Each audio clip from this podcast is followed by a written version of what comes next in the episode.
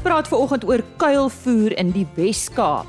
Weersake, pryspryse, grondkors en die impak daarvan op landbou en ons praat ook met Agbus oor 'n paar fokuspunte van landbou waaroor daar sommer in die begin van die jaar gesels sal word. Lekker besige program vir oggend, so ons kop somme onmiddellik af. Goeiemôre, hartlik welkom by RSG Landbou. My naam is Lise Roberts. Nou ja, dis weer tyd om met Johan van der Berg te praat elke donderdag op RSG Landbou hierdie tyd. Johan, môre, ek gaan maar oor eh, gee na jou toe. Wat se nuus het jy vir ons? Môre Lise, ja, ek dink die ehm uh, die nuus wat ons die laaste tyd het is maar die baie warm toestande wat voorkom. Uh en maar dit lyk of daar darm uh, hierso van die naweek se kant af oor veral die sentrale dele en ook oostelike dele en selfs die gedeeltes van die Noord-Kaap. So 'n bietjie, ek wil nie sê koeler toestande nie, maar minder warm toestande gaan voorkom. So dit lyk tog asof daar so 'n bietjie verligting is. Wes-Kaap lyk of hierdie volgende tyd tot omtrent teen die einde van die maand nog baie warm temperature oor die grootste deel van die winterreënvalgebied en dan die westelike dele van die Noord-Kaap. Uh so daardie gedeeltes suid van Namibië uh suid van Appington uh lyk nog baie warm, min reën daar. Uh die een van die uh, probleme tans as ek dit so kan noem. Daar ontwikkel tropiese versteurings. In Engels is dit disturbances, maar tropiese storms rondom Madagaskar. Daar's twee wat tans aktief is, nog nie baie sterk nie. Hulle het nog nie name nie. Een is so 45 km per uur windsnelhede en die ander omtrent hier 55. Maar dit veroorsaak veroorsaak dat tropiese vog nie suidwaarts veel kan beweeg nie en dat die grootste gedeelte daar oor uh, Zambië, uh Mosambiek, uh die Mosambiek-kanaal en Madagaskar gaan dan beweeg. Baie swaar reën daar, maar daar die teenpool is 'n hoëdrukstelsel wat dan hier oor die land gevestig is uh en redelik minder reën gaan veroorsaak. Daar's tog 'n bietjie 'n stroompie vog wat uh, oor Namibië uh oor die noordelike dele van die Noord-Kaap, uh Noordwes, Vrystaat, Oos-Kaap en KwaZulu-Natal voorkom. So daar kan dan die buie wat ons gesê het wat daar 'n bietjie afkoeling gee, ehm um, kan dan voorkom uh in hierdie volgende tyd.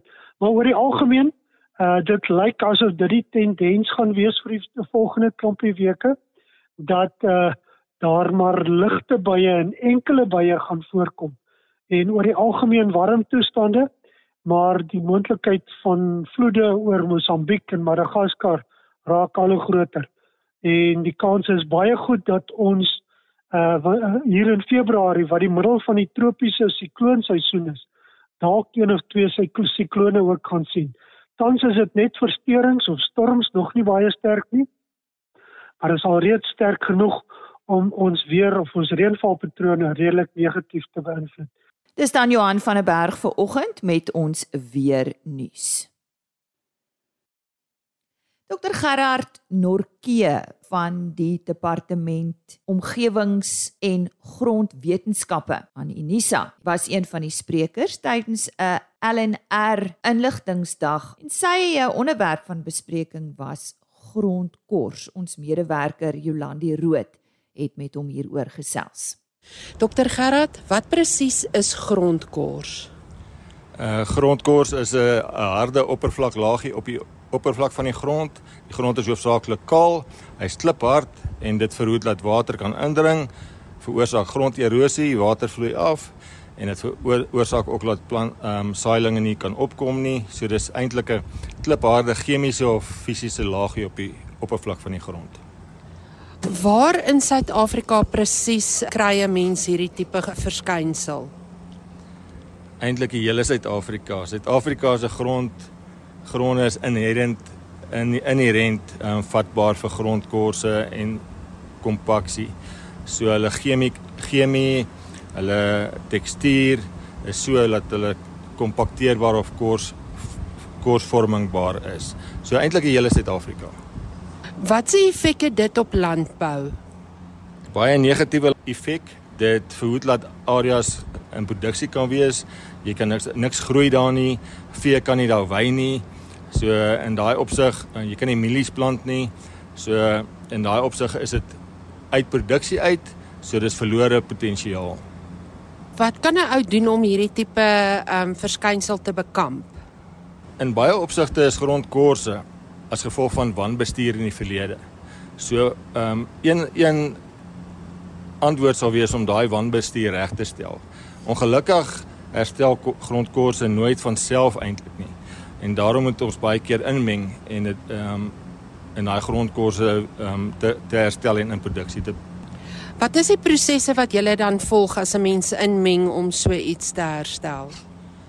Ons noem dit ameliorante, ehm um, grondverbeteraars kan gebruik word. Ons stop die erosie. Daar's verskeie goed wat wat 'n mens kan doen in in hierdie areas waar jy die watervloei verminder, ver, afloop verminder sodat die water ehm um, nie afloop nie, maar meer in die grond infiltreer. Dis wat jy wil hê. En dan is daar ehm um, dinge wat ons doen, ehm um, half maandjies en ehm um, tak tak krale wat 'n ou ehm um, pak om die om die water ook op te vang en die saaitjies op te vang en in uiterste gevalle dan saai ons in ehm um, om die die natuurlike veld te herstel so. Jy het ook genoem in jou voorlegging dit is 'n groot probleem in erfenisgebiede en beskermde areas. Um, kan jy 'n bietjie meer uitbrei oor dit? Ja, dis dis 'n groot probleem in beskermde gebiede, ehm um, natuurreservate.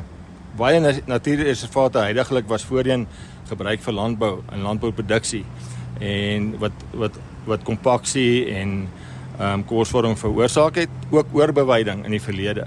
Daai areas is nou 'n uh, reservate en daai is daai daai areas het nog nie herstel nie. So in daai uh, die dat ons inmeng of probeer inmeng in daai areas. Hoekom is dit belangrik dat jy ook moet inmeng in daai areas? Grond is belangrik. Groot hoeveelhede ehm uh, gronde lê onproduktief, kaal. En as 'n grond kaal is en dit en dit reën, spoel dit weg en dit veroorsaak dongas en erosie, ehm um, baie negatiewe gevolge. En dit dit dis die dis die rede hoekom ons inmeng.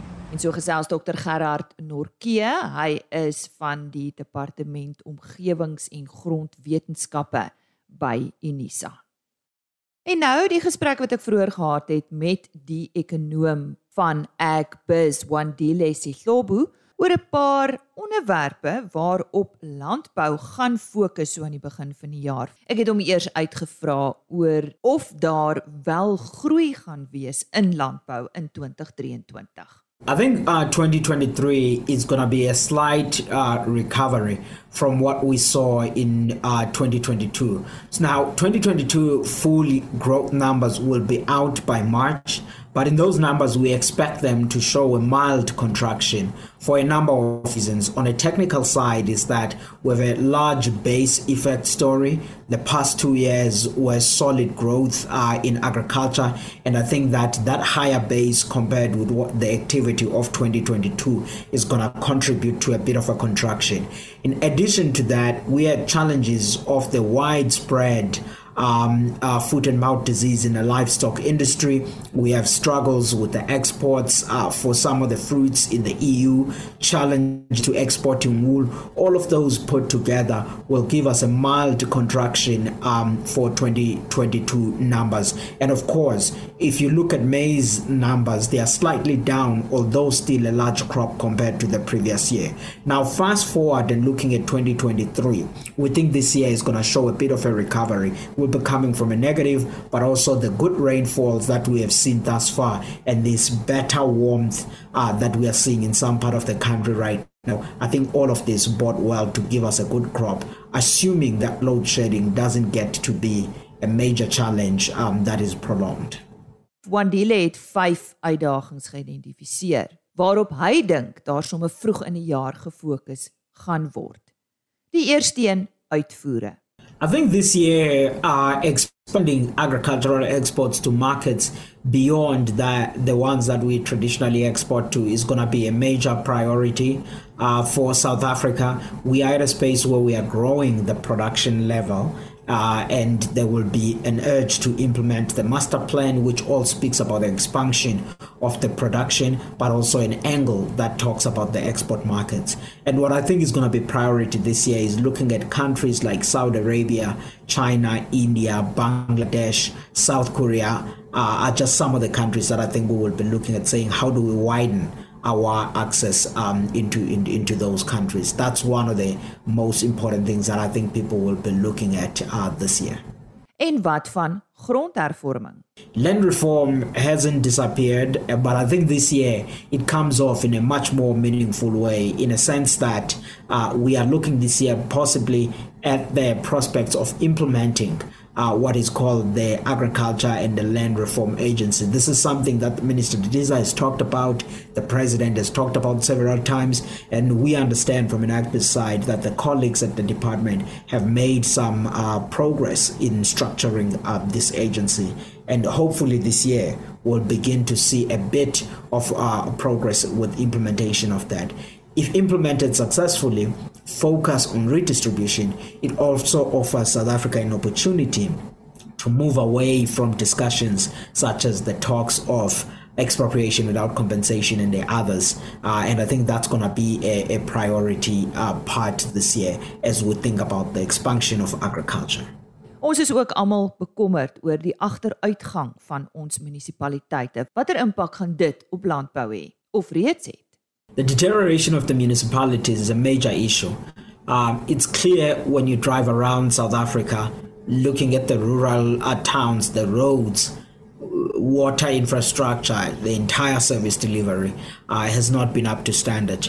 Uh, just looking back, for example, in 2021, we saw Clover leaving Lichtenberg because of these issues. In much of Mpumalanga, Astral has been experiencing some of these challenges, and I think we will see these uh, dominating the discussion again this year to say how do you address them because the rains of the past two years uh, or so have also deteriorated the conditions of the roads. To the extent that now this is going to be a challenge not only of agriculture but the tourism industry faces the similar issue.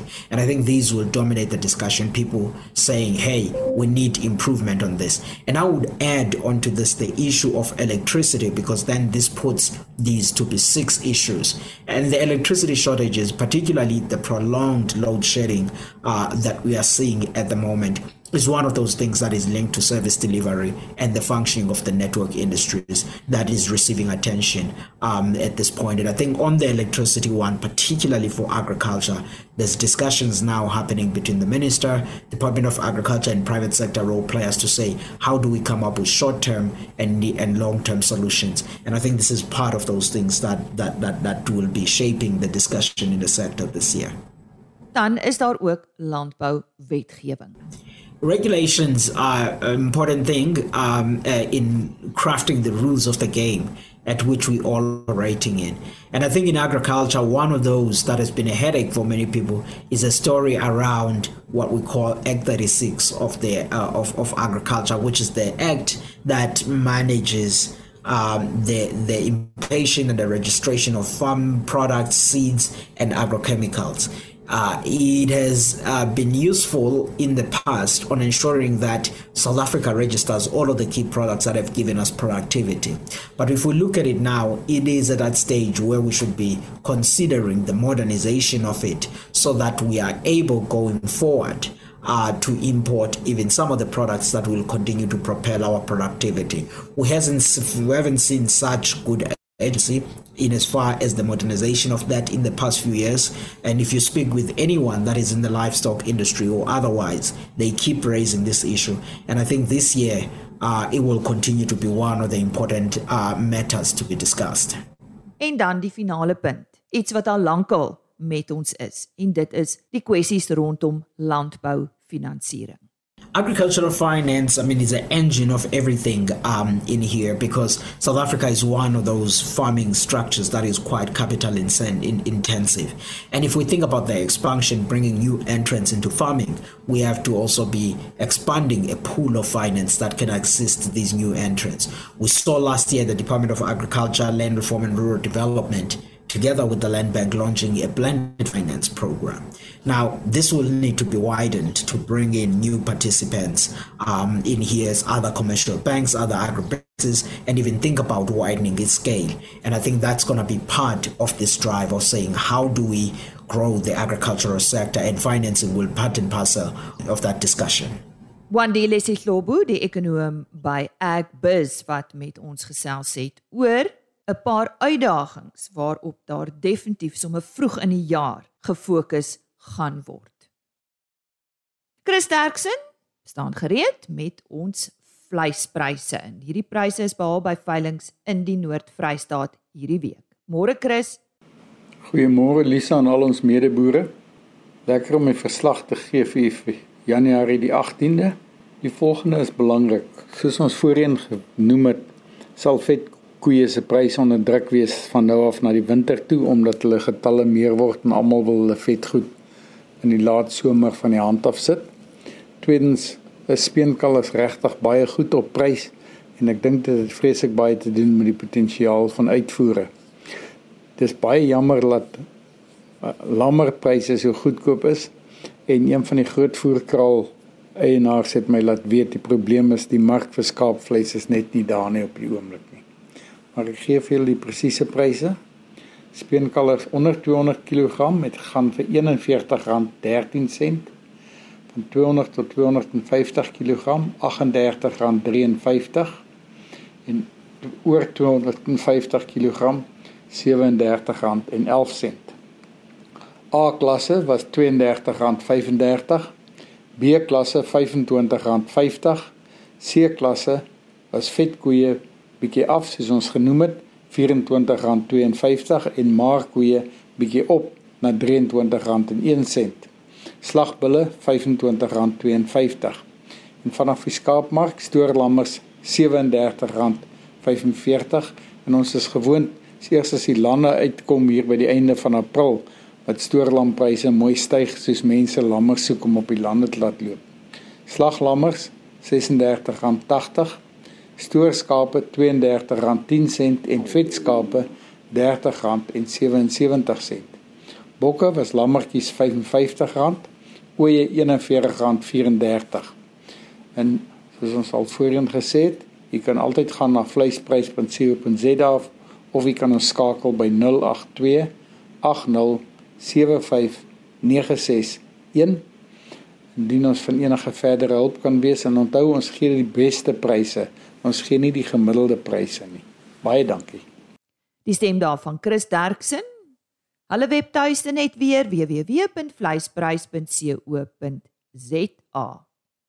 Verlede jaar moes beesboere in die Kuruman Katu omgewing deurloop onder erge brande en hierdie jaar het nog nie behoorlik afgeskop nie of die eerste brande het die afgelope naweek weer uitgebreek en heeltemal buite beheer geraak as gevolg van sterk winde en erge hitte in die Noord-Kaap.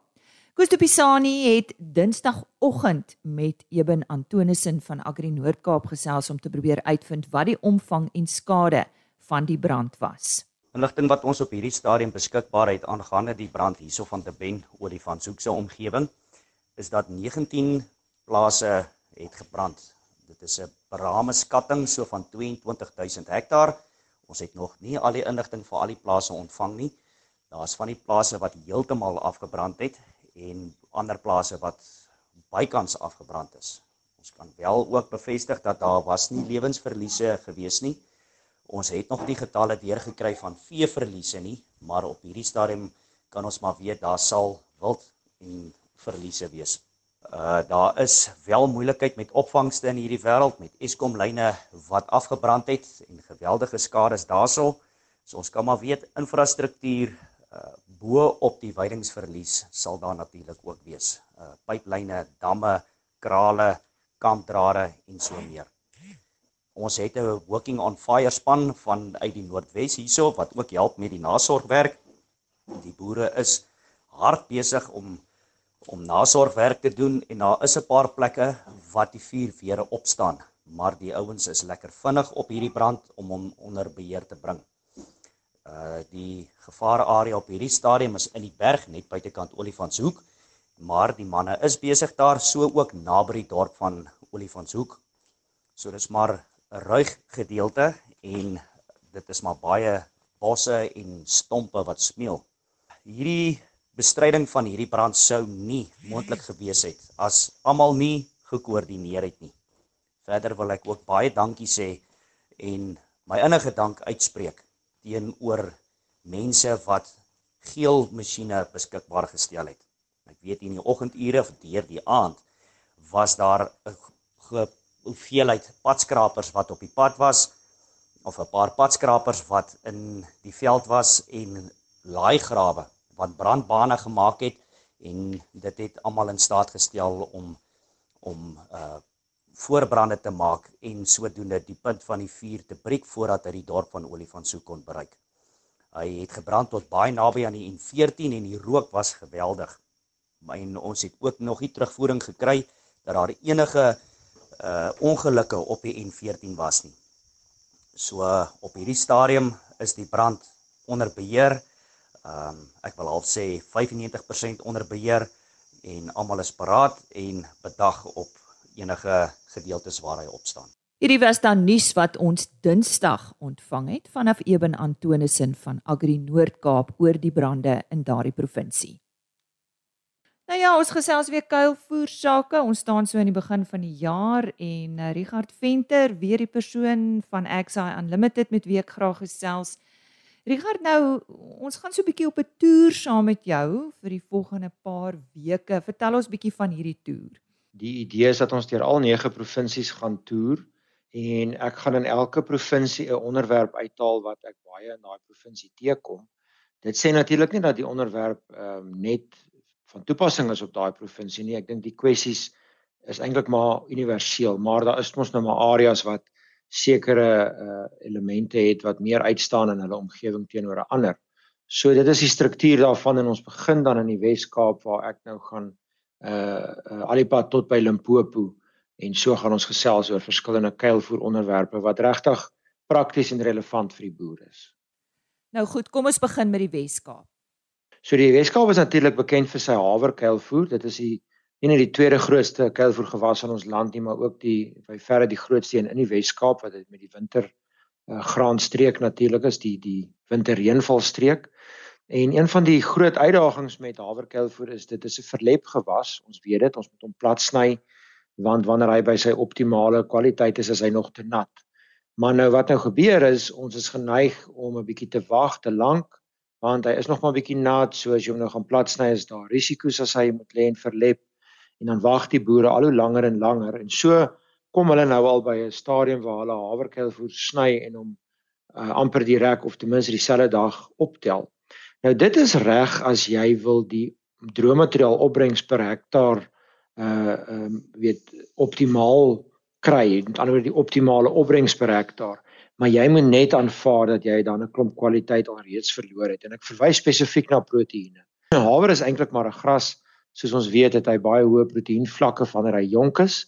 En die geleentheid met haver is om hom heelwat vroeër te sny, ehm um, basies voor pypstadium om die optimale proteïen te kry om dan te laat verlep vir bietjie langer natuurlik want hy is dan ons nou natter maar dan haal jy heeltemal 'n ander gewas af.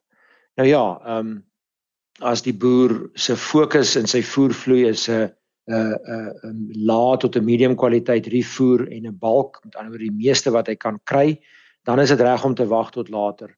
Maar as hy 'n klomp dierproteïene in sy voervloei inkoop, moet ons regtig gaan kyk of ons nie dit van daai proteïene kan vervang deur uh, selfgeproduseerde vroeggesnyde haverkuilvoer. Ehm um, en dan is daar 'n paar ander praktiese goed wat saam met haverkuil verloop, byvoorbeeld die die hark van haverkuilvoer. Dit is van toepassing op enige kuilvoer wat moet gehark word, met ander woorde plat gesny en verlep het. Die rolharke, die ou tradisionele rolharke wat die wat die hoë boere van die van die binneland ken, is nie aanvaarbaar vir kuilvoer nie want hy het 'n groot besmetting of kontaminasie aksie deur grond in die kuilvoer in te gooi. En omdat ons dit dan nie laat vir uh, al die pad afdroog soos met hooi en dit laat droog word dat daai sand weer kan afval nie, eindig al daai sand binne in die kuilvoer dan. En uh, ja, ons uh, snyvenster bly maar 35 tot 40% droë materiaal.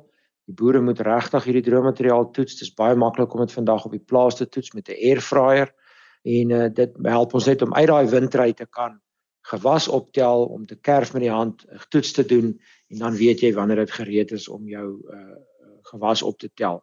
Want as jy haverkuilvoer te nat gaan maak, weet jy dit om dalk nou wel vroeg afgesny soos my voorstel is, maar nou raak jy haastig en jy tel hom op terwyl hy nog paps op nat is, dan het hy 'n baie baie slegte fermentasie, baie hoë vlakke bottersuur, asynsuur en dit lei tot baie swak innames en groot verliese op daai kuilvoer. Richard baie dankie. Waarheen ry ons volgende keer? Ons is uh, ooswaarts op pad na die Oos-Kaap toe. Dis dan volgende donderdag weer saam met Richard Venter en soos ek gesê dan kuier ons in die Oos-Kaap. Intussen indien jy graag met hom wil gesels, is dit Richard by agsci